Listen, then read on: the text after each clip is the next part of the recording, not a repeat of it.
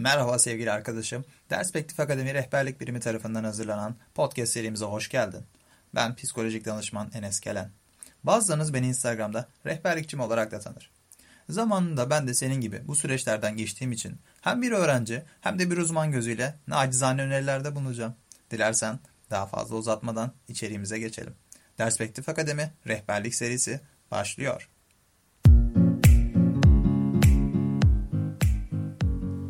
Merhaba sevgili arkadaşım. Sınavlara hazırlık yaparken en büyük sorunlarımızdan biri çalıştığımız konuları unutmak olmuştur.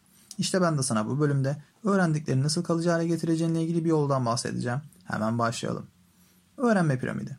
1960'larda NTL tarafından yani Ulusal Eğitim Laboratuvarı tarafından ortaya atılmış ve günümüze kadar yayılarak gelmiş bir modeldir.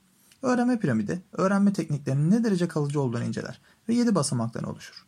Piramidin en üstünde %5 ile ders dinlemek var. Yani derste dinlediklerimizin en fazla %5'i aklımızda kalır. Piramidin bir alt basamağında ise okuduklarımız yer alıyor. Ondan ise %10'luk kalıcı olur. Sonrasında ise dinlediklerimiz ve gördüklerimiz gelir. Ondan ise yalnızca %20'sini hatırlarız. Eğer bir konuyla ilgili uygulama yapılarak bize bir şeyler anlatılıyorsa o konunun kalıcılık düzeyi %30'lara kadar çıkar. Buraya kadarki öğrenmeler pasif öğrenme olarak geçer. Yani bizler burada yalnızca dinleyici ve izleyici olarak çalışmalara katılırız. Bundan sonraki basamaklar ise aktif öğrenme olarak geçer. Yani bizler aktif olduğumuzda, soru sorup cevap vermeye başladığımızda öğrendiklerimizin kalıcılık düzeyi artacaktır.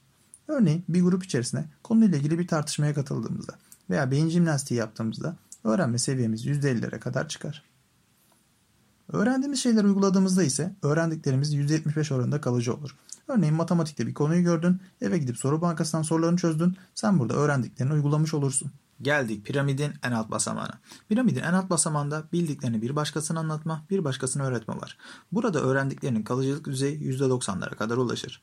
Tabi buradaki öğretme basamağının iyi anlaşılmış olması gerekir. Buradaki öğretme bir konuya etraflıca çalışma, gerekiyorsa o konu için materyal hazırlama, o konuyla ilgili gelebilecek muhtemel sorulara cevap hazırlamayı da içerir.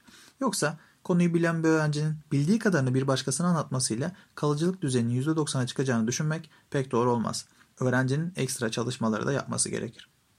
Kısacası öğrenme piramidindeki yüzdeler tartışılabilir. Öğrenciden öğrenciye değişebilir, konudan konuya farklılık gösterebilir ama ana hatlarıyla anlattığı şey doğrudur. Bizler yalnızca dinleyerek ve okuyarak sınırlı bir öğrenme elde ederiz. Öğrendiklerimizi bir başkasıyla tartışırsak, uygulama yaparsak, bir başkasına anlatırsak, konu üzerinde öğrenme seviyemizi ileri taşıyabiliriz.